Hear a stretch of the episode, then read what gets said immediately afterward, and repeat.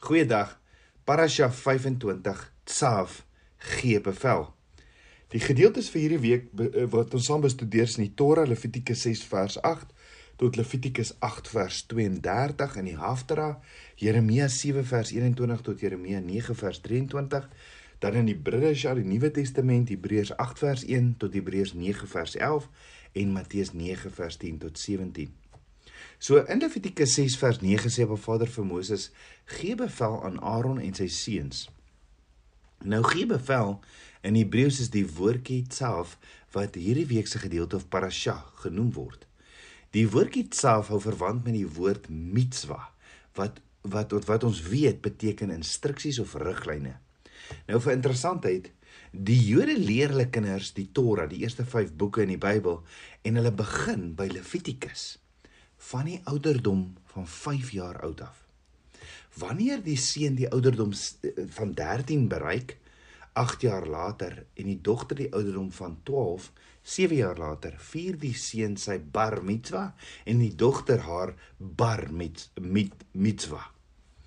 So as jy al ooit in Jerusalem was, sien jy hoe hulle dit vier in die strate en dit is so mooi want by hierdie geleentheid word bevestig dat 'n kind die ouderdom bereik het waar hy of sy persoonlik die verantwoordelikheid vat om volgens Abba Vader se woord te lewe.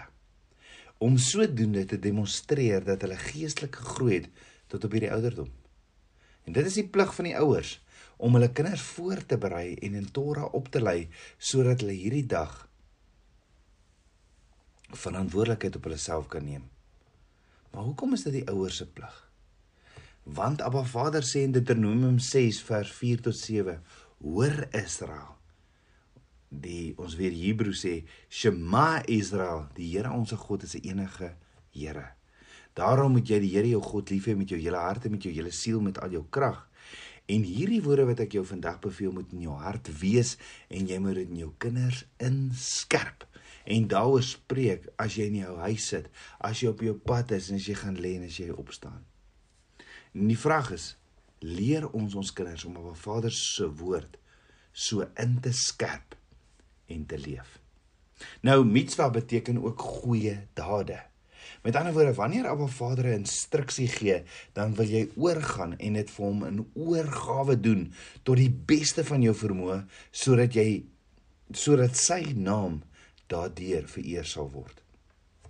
En dis hoekom Yeshua sê in Johannes 15 vers 10: As julle my gebooie bewaar, sal julle my liefde bly, net soos ek die gebooie van my Vader bewaar en in sy liefde bly. Die woord mitzwa se meervoud is mitzvot, wat ook afgelei is van die woord self en beteken instruksies of opdragte en dis die riglyne vir 'n shema, hier lus nou by leefstyl. Nou daar is 613 mitzvot of instruksies in die eerste 5 boeke uit die Torah, waarvan 248 positiewe instruksies is. Jy moet dit doen. En 365 negatiewe instruksies. Jy mag dit nie doen nie. So baie mense skrik hulle dood as hulle al hierdie instruksies sien. Maar het jy geweet daar is 1050 instruksies in die Nuwe Testament? Yeshua sê in Matteus 5 vers 17 tot 18: Moenie dink dat ek gekom het om die wet of die profete te ontbind nie. Ek het nie gekom om te ontbind nie, maar om te vervul. Want voorwaar ek sê vir julle, voordat die hemel en die aarde verbygaan, sal nie een jota of een titel van die wet ooit verbygaan totdat alles gebeur het nie. So as Yeshua praat van een jota of een titel van die wet, dan gebruik hy Hebreëse gesegde wat ons nie altyd verstaan nie. So kom ek verduidelik. As hulle 'n Torah gemaak het, het hulle omtrent 80 lammetjies se velle gebruik om dit te maak. Die lammetjies se velle was uitgedroog deur dit op 'n houtraam uit te strek. Die velle word dan gewas en afgeskrob om al die vet en wol af te kry. As dit droog is, dan sny hulle dit in hierdie folio's en werk dit aan mekaar met die seënings van hierdie einste lammetjie sodat dit 'n lang Torah rol of skril kan word. Dan het hulle onsigbare kleurlose lyntjies getrek op hierdie Torah skrol soos wat ons lyntjies in 'n skryfboek skry, uh, trek of of soos wat daar lyntjies in 'n skryf in die skryfboeke is.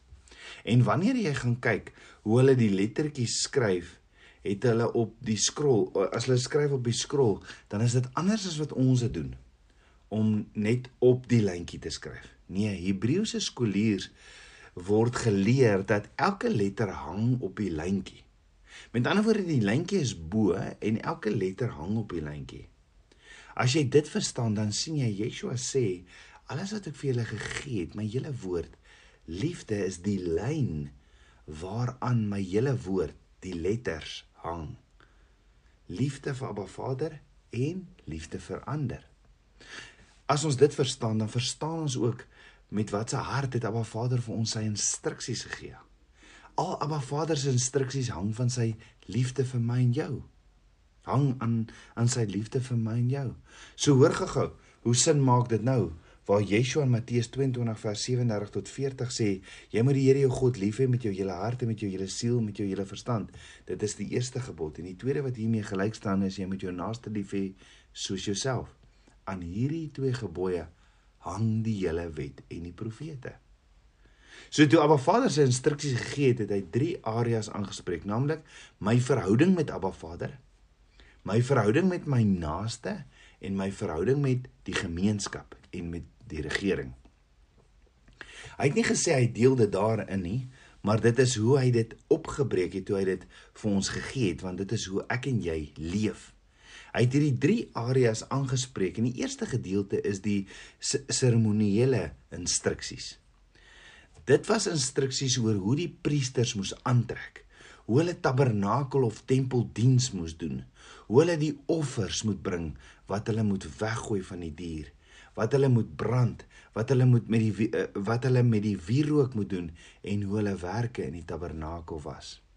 Dit was alles seremoniele dinge wat om om in die teenwoordigheid van Abba Vader ehm um, gebeur het sodat daar verzoening, vergifnis, redding kon kom vir die volk en vrymaking van hulle sondes. Die tweede gedeelte is die morele instruksies en dit is instruksies oor hoe om te leef in my verhouding met ander, soos byvoorbeeld jy mag nie skinder nie. Jy mag nie vals getuienis teen mense inbring nie. Jy mag nie steel ensovoorts nie. Die derde gedeelte vir die is, is die siviele instruksies of siviele instruksies wat betrekking het op die land waarbinne ons woon. Dit is dinge soos die belastingwette, hoe rentes bepaal word in die wette van jou land. Nou vandag is daar soveel mense wat sê na Yeshua se kruisiging het hy hierdie instruksies kom wegvat of die oomblik as jy praat oor Abba Vader se instruksies in die Torah, dan sê die mense dadelik, ons is nie meer onder die wet nie, hoor. En Paulus sê dit wel op sekere plekke, maar die vraag is van watter wette praat Paulus? Meer oor die wette van waarvan Paulus praat, gaan ons bietjie later meer daaroor praat. Maar dink gou daaroor. Mag jy enige seksuele verhoudings met jou familie hê? Mag jy seksuele verhoudings hê met jou sussie, jou niggie, jou tannie, jou oom of jou boetie? As jy sê nee, dan is daar klaar 20 van die 613 instruksies wat jy gehoorsaam. Yeshua het mos nie Yeshua het mos nie dit kom wegvat soos wat daar verkondig word nie. Nee, ons is in verbond met Abba Vader. En omdat ons in verbond is met hom, Shema, Heer, luister nou by ons om.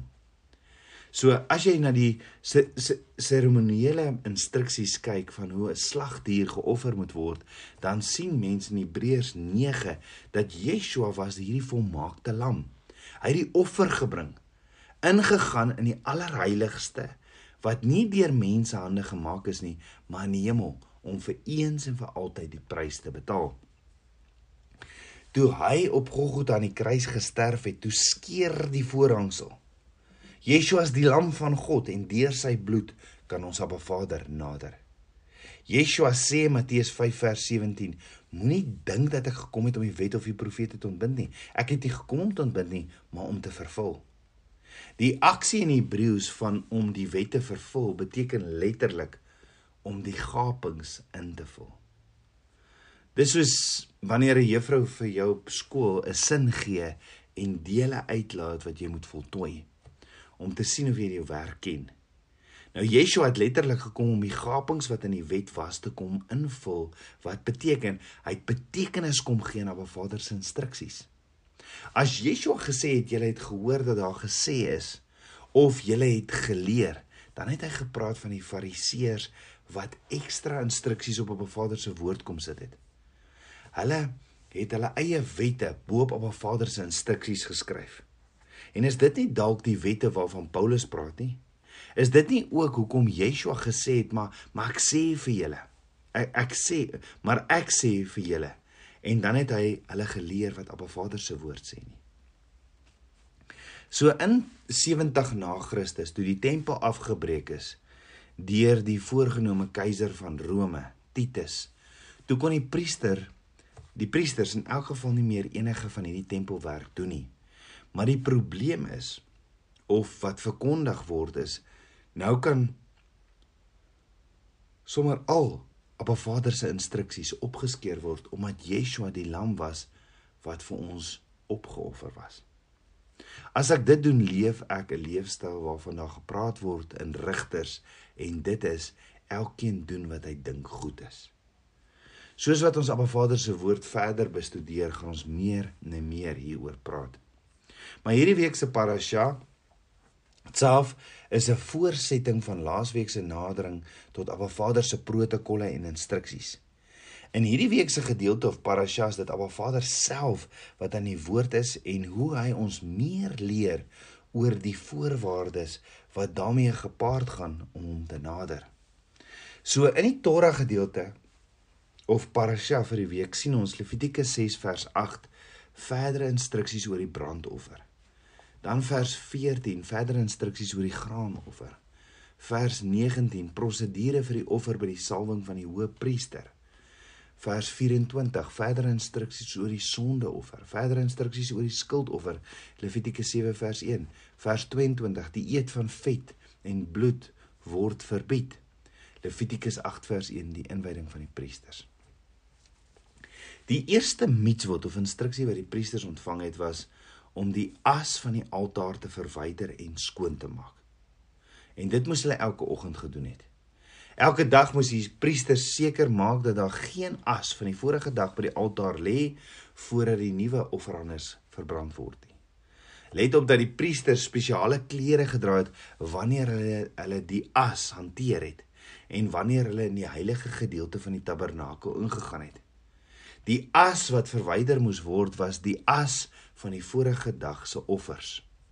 Voordat daar dus 'n nuwe offer gebring word, moet daar seker gemaak word dat die ou as van gister verwyder is. En 1 Petrus 2 vers 9 sê: "Maar julle is 'n uitverkore geslag, 'n koninklike priesterdom, 'n heilige volk, 'n volk as eiendom verkry om te verkondig die deugde van hom wat julle uit die duisternis geroep het tot sy wonderbare lig."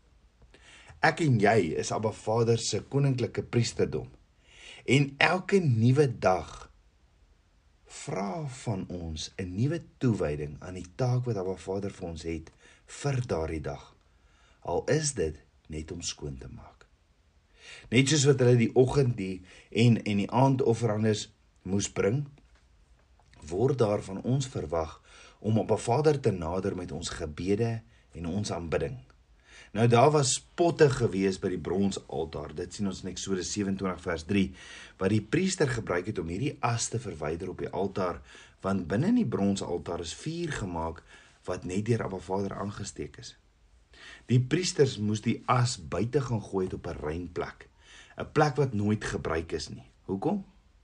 Om te verduidelik, niemand het die vuur op die bronsaltaar aangesteek nie, nie Abba Vader het. En volgens Levitikus 9 vers 24 het Abba Vader self die vuur gestuur op die bronsaltaar en die priesters moes moes hierdie vuur net aanhou laat brand het. En die woord sê verskeie kere onder andere in Levitikus 6 vers 13, vuur moet gedurig deur op die altaar in die brand gehou word. Dit mag nie doodgemaak word nie. En die rede vir hierdie aanhoudende vuur was omdat Abba Vader die vuur begin het en dit het, het gedien as 'n konstante herinnering van Abba Vader se krag. Ja, die vuur was 'n geskenk van Abba Vader en geen ander vuur was aanvaarbaar vir Abba Vader nie. Die vuur verteenwoordig ook Abba Vader se teenwoordigheid. So die priesters moes met die panne die as van die vuur op 'n rein plek, 'n plek wat nog nooit gebruik is nie, neer gaan gooi. Die Hebreëse woord vir rein is tahor wat beteken purified in normal sense. En geen moral sense. Dan die rootwoord vir tahor is taher wat beteken unadulterated, uncontaminated, purified. Dis dis hierdie aksie in Hebreëus van to break something that bounds you. Met ander woorde, die priester haal hierdie as uit waar offers gebring is vir Abba Vader. Dan vat hy die as na buite toe, na 'n rein plek wat beteken to purify, to sacrifice, to break the yoke. Wat ook in in Hebreëus 'n prentjie skets van 'n plek wat as daar 'n ketting is wat jou bind, gaan dit nie meer daar wees nie want die ketting gaan breek. Maar dan hoor wat sê Abba Vader in Numeri 19 vers 17.